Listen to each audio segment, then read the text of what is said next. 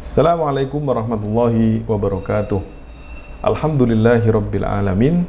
Atas berkat rahmat, taufik, inayah dan hidayah Allah Subhanahu wa taala, hingga hari ini kita masih diberikan kekuatan untuk menjalankan ibadah puasa di bulan Ramadan.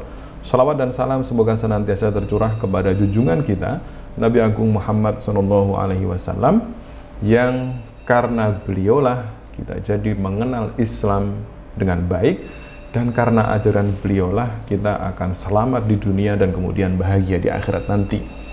Teman-teman sekalian yang senantiasa dirahmati oleh Allah, kali ini kita akan membaca sebuah hadis yang diriwayatkan oleh sahabat Abu Hurairah radhiyallahu anhu Rasulullah Shallallahu Alaihi Wasallam bersabda, "Kullu amali bni Adam yudha'af al hasanatu bi ashri amsalha ila sab'i mi'ati dhi'fin." Qala Allahu jalla jalaluh illa siyam fa innahu li wa ana ajzi bihi. Kita akan menerjemahkan hadis ini dan juga langsung menjelaskan kepada kawan-kawan sekalian. Disebutkan dalam hadis ini bahwa Rasulullah Shallallahu Alaihi Wasallam bersabda, seluruh amal ibadah anak cucu Adam ataupun umat manusia, umat Islam, dilipat gandakan oleh Allah Subhanahu Wa Taala. Beruntunglah kita menjadi seorang Muslim. Amalan yang sederhana dilipat gandakan pahalanya oleh Allah. Tujuannya agar kita berlomba-lomba melakukan amal kebaikan. Tujuannya agar kita tertarik dengan reward yang ditawarkan oleh Allah Subhanahu wa taala. Sampai berapakah amal ibadah anak uh, seorang manusia dilipat gandakan? Dikatakan al hasanah bi asyri amsalha ila sab'i mi'ati dhifin.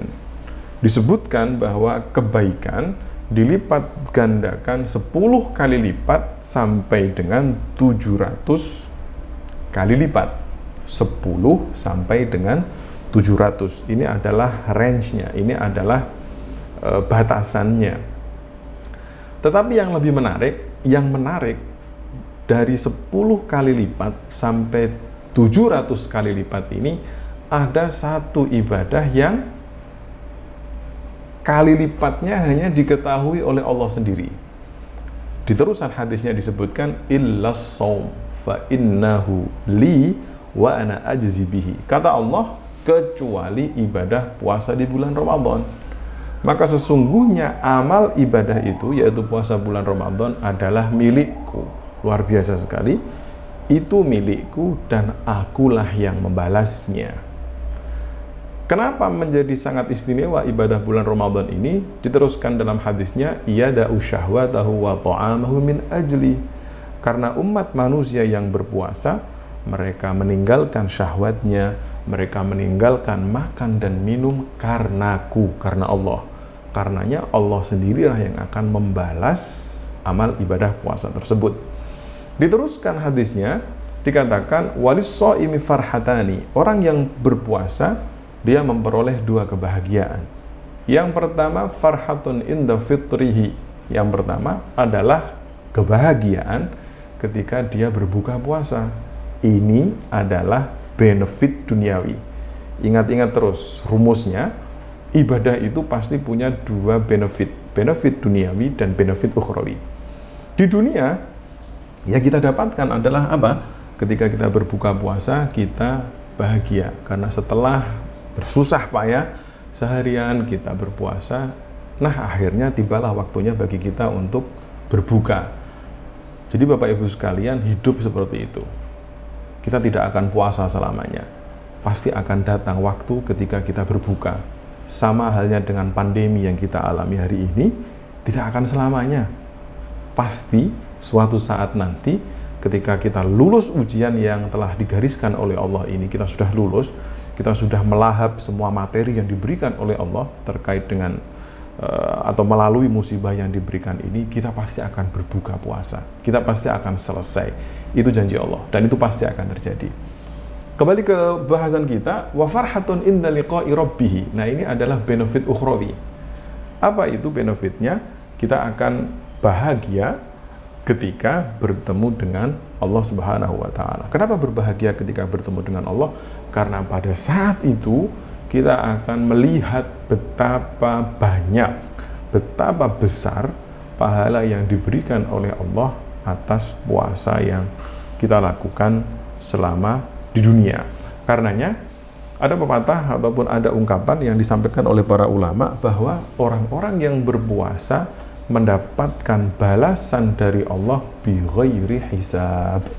Amalnya balasannya tidak bisa dihitung oleh angka. Berapa angka yang menggeliat dalam benak Bapak Ibu sekalian hari ini atau saat mendengarkan ceramah saya ini, maka lupakan itu semua karena angka yang dimiliki oleh Allah tidak mampu kita jangkau oleh akal kita. Nah, ini adalah salah satu eh, manfaat ataupun salah satu benefit yang kita dapatkan jika kita menjalankan puasa Ramadan sesuai dengan apa yang digariskan oleh Allah dan sesuai dengan apa yang diperintahkan ataupun dianjurkan oleh Rasulullah. Yang berikutnya dari hadis ini kita bisa uh, mendapat pelajaran yang sangat uh, menarik sekali bahwa puasa itu merupakan ibadah yang kalau boleh saya menyebutnya bukan ibadah kaleng-kaleng. Ya semua ibadah pasti baik. Semua ibadah pasti baik. Tetapi khusus untuk puasa ini dia punya kebaikan yang sangat luar biasa sekali. Jadi kalau seandainya kita diberikan kekuatan oleh Allah Subhanahu wa taala untuk menjalankan puasa lalu kemudian kita abaikan atau kita tidak berpuasa dengan tanpa ada uzur syar'i, dengan tanpa ada alasan yang memperbolehkan kita untuk tidak berpuasa, maka sejatinya yang rugi bukan Gusti Allah. Awas, ibadah itu bukan dalam rangka menjadikan Allah lebih keren.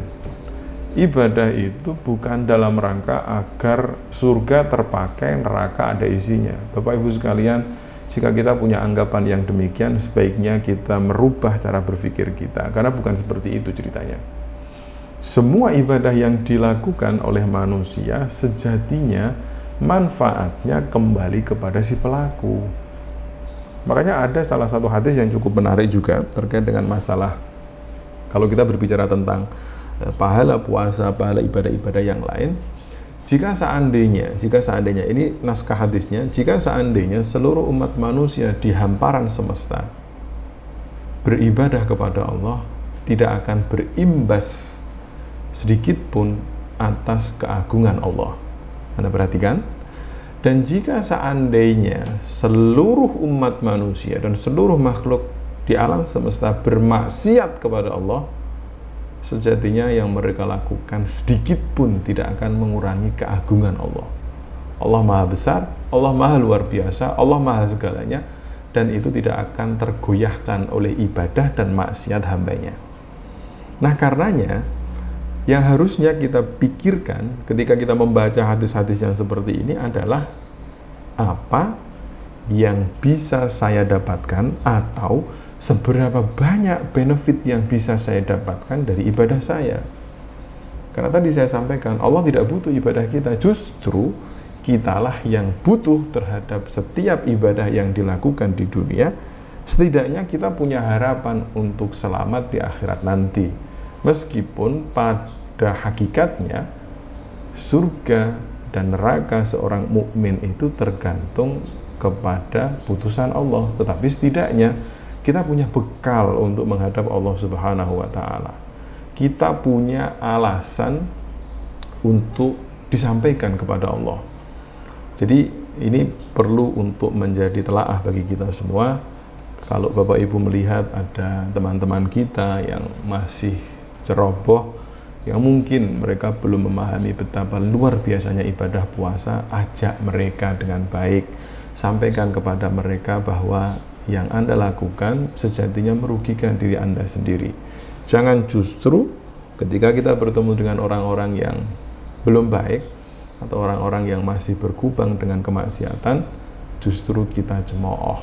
Rumusnya Bapak Ibu sekalian dalam berdakwah adalah posisikan diri Anda sebagai pelaku maksiat.